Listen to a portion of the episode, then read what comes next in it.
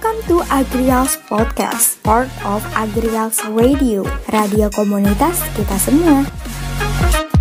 Dengerin terus Agrials Podcast only on Spotify.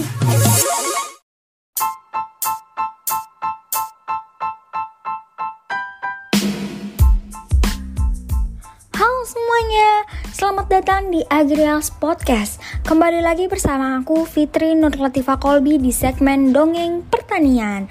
Kali ini aku akan membawakan dongeng tentang Haris petani organik yang baik hati. Mari kita mulai ceritanya.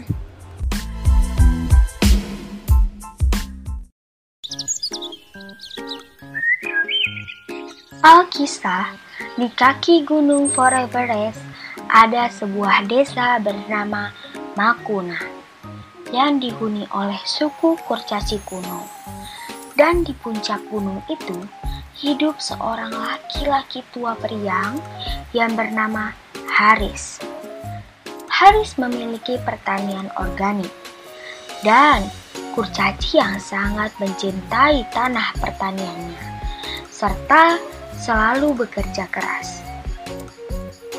Pertanian di desa selalu menyediakan buah-buahan dan sayuran segar yang subur untuk seluruh penduduk desa. Haris selalu menghasilkan buah-buahan dan sayuran yang segar dari pertanian miliknya. Kemudian, dia akan menjual buah-buahan dan sayuran dengan harga yang murah untuk seluruh penduduk desa. Wah, sayuran ini sangat segar dan ada keajaiban di dalam buah dan sayurannya. Iya, petani Haris sangat baik. Dia tidak pernah mencoba menipu orang dan menghasilkan keuntungan berbeda dengan tetangganya, si Jonas, yang menjual sayuran tiga kali lipat dari harga aslinya. Ah ya, aku hampir lupa tentang Jonas. Dia seperti halnya Haris, seorang petani. Namun ia memiliki kepribadian yang sangat berbeda dengan Haris. Dia adalah petani yang kikir dan juga serakah. Jonas dulunya adalah satu-satunya petani organik di desa Makuna dan dia memanfaatkan sepenuhnya untuk mendapatkan keuntungan dan menipu orang lain sehingga penduduk desa tidak pernah memiliki pilihan lain sampai kemudian Haris membuka toko pertaniannya. Semua orang berhenti membeli dari Jonas dan kemudian pindah membeli sayuran dan buahan ke Haris. Wah, berapa harga apel ini? Dua apel harganya dua koin perak, kata Jonas. Hah, kamu bercanda. Ayo Riko kita pergi ke Haris. Buah-buahannya lebih murah dan lebih segar. Wah, jika terus seperti ini, aku bisa ganti profesi. Hah, bagaimana ya Haris bisa memiliki buah dan sayuran yang selalu segar dan cepat tumbuh? Kata Jonas. Halo saudara Jonas, tidak ada yang membeli produkmu. Produkmu terbengkalai dan akan busuk. Mengapa kamu tidak memberikannya kepada pria malang ini? Aku belum makan apa pun selama dua hari. Kata pengemis yang sedang lewat di depan toko milik Jonas. Hus pergi, aku di sini bukan untuk beramal. Tidak seperti Jonas, Haris sering menyumbangkan panen gratis dari ladangnya kepada orang miskin yang melewati gubuknya. Ini, Roni, ambil beberapa sayuran sehingga kamu bisa memberikan makan kepada keluargamu. Jika kamu membutuhkan lebih banyak, silahkan datang lagi ke sini. Kamu memang malaikat yang menyamar. Semoga Tuhan memberkatimu, kata pengemis. Tetapi tidak diketahui penduduk desa rahasia di balik kualitas buah-buahan dan sayuran di pertanian Haris adalah ketiga pembantunya, Tom, Bro, dan Zu embun dari gunung bersama pupuk rahasia khusus buatan mereka menyebabkan panen mereka selalu segar. Namun tidaklah cukup. Di bawah sinar rembulan, mereka akan bernyanyi dan menari di tanah pertanian agar pohon-pohon muda tumbuh dengan cepat. Haris punya pertanian, ayo, Haris punya pertanian, ayo. Haris punya pertandingan. Hai ayo. Suatu hari, Haris dapat kabar baik bahwa putrinya sudah menikah dan tinggal jauh telah melahirkan seorang bayi perempuan. Karena sangat senang menjadi seorang kakek, Haris memutuskan untuk mengunjungi putrinya untuk beberapa waktu.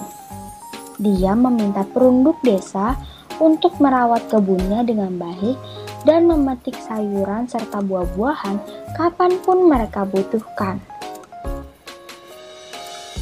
Sampaikan salam kami kepada putrimu ya Haris, kata salah satu penduduk desa. Ketika penduduk desa mengucapkan selamat tinggal kepada Haris, Jonas ternyata hadir di antara mereka dan berencana menghancurkan pertanian milik Haris.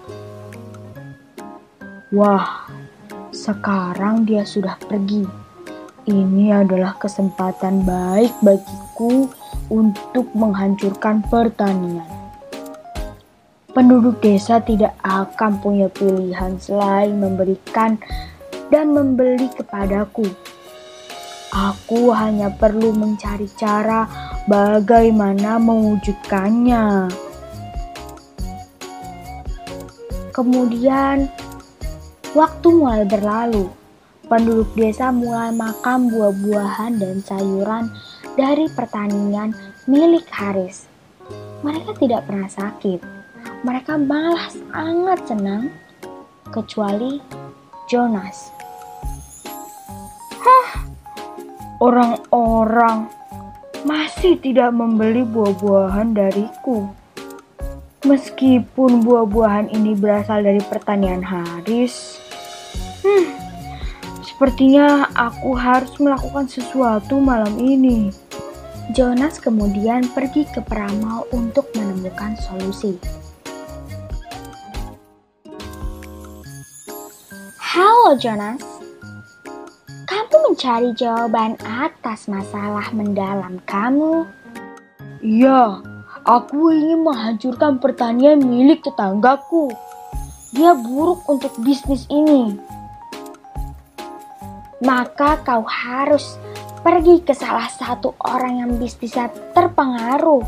Di sana kamu akan menemukan jawabannya, Jonas. Kata sang peramal. Siapa itu? Tolong beritahu aku. Namanya adalah Dr. Stranger. Dr. Even Stranger. Dia memiliki ramuan yang sempurna sesuai keinginan kamu. Dan dengan itu, kamu akan segera dihujani dengan buah-buahan dan sayuran. Oh, Terima kasih, Pramal. Kemudian, setelah pula mengunjungi Pramal, Jonas menemui Dokter Stranger untuk merencanakan itikat jahatnya. Dan tentu saja, Dokter Stranger yang sepi pelanggan itu menerima rencana yang Jonas tawarkan, yaitu meracuni pertanian milik Haris. Pada malam harinya, mereka berdua datang ke pertanian milik Haris dan menaburkan cairan racun untuk mematikan pertanian milik Haris. Dua hari kemudian, sayuran dan buah-buahan di pertanian milik Haris layu dan kemudian mati. Untungnya, tak lama dari itu, Haris pulang dan penduduk desa menyambutnya dengan meriah.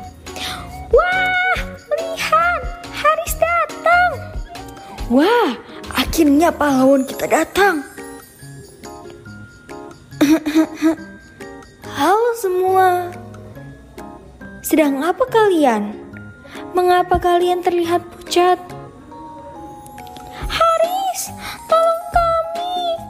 Penduduk banyak yang jatuh sakit karena tidak memakan sayur dan buah-buahan.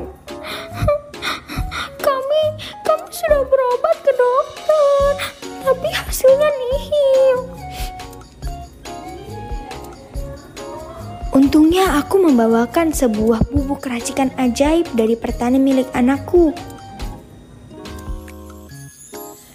Kemudian, bubuk racikan itu segera hari sebar ke ladang pertaniannya. Dan tiga hari kemudian, buah-buahan juga sayuran mulai tumbuh memenuhi ladang itu. Penduduk desa tentu saja sangat bahagia. Haris, si petani organik yang baik hati, mempersilahkan penduduk desa mengambil buah-buahan dan sayuran di ladang pertaniannya. Kemudian hari demi hari berlalu. Tidak ada lagi penduduk yang sakit-sakitan. Mereka semua bahagia dan sehat. Sedangkan Jonas kembali seperti sebelumnya, menjadi pemuda yang jahat dan licik. Sang dokter menyesali perbuatannya karena telah melakukan hal keji dan tidak sesuai dengan tugasnya, yaitu sebagai seorang dokter. Begitulah akhir cerita di desa Makuna, desa asal pertanian organik dan petani Haris yang baik hati.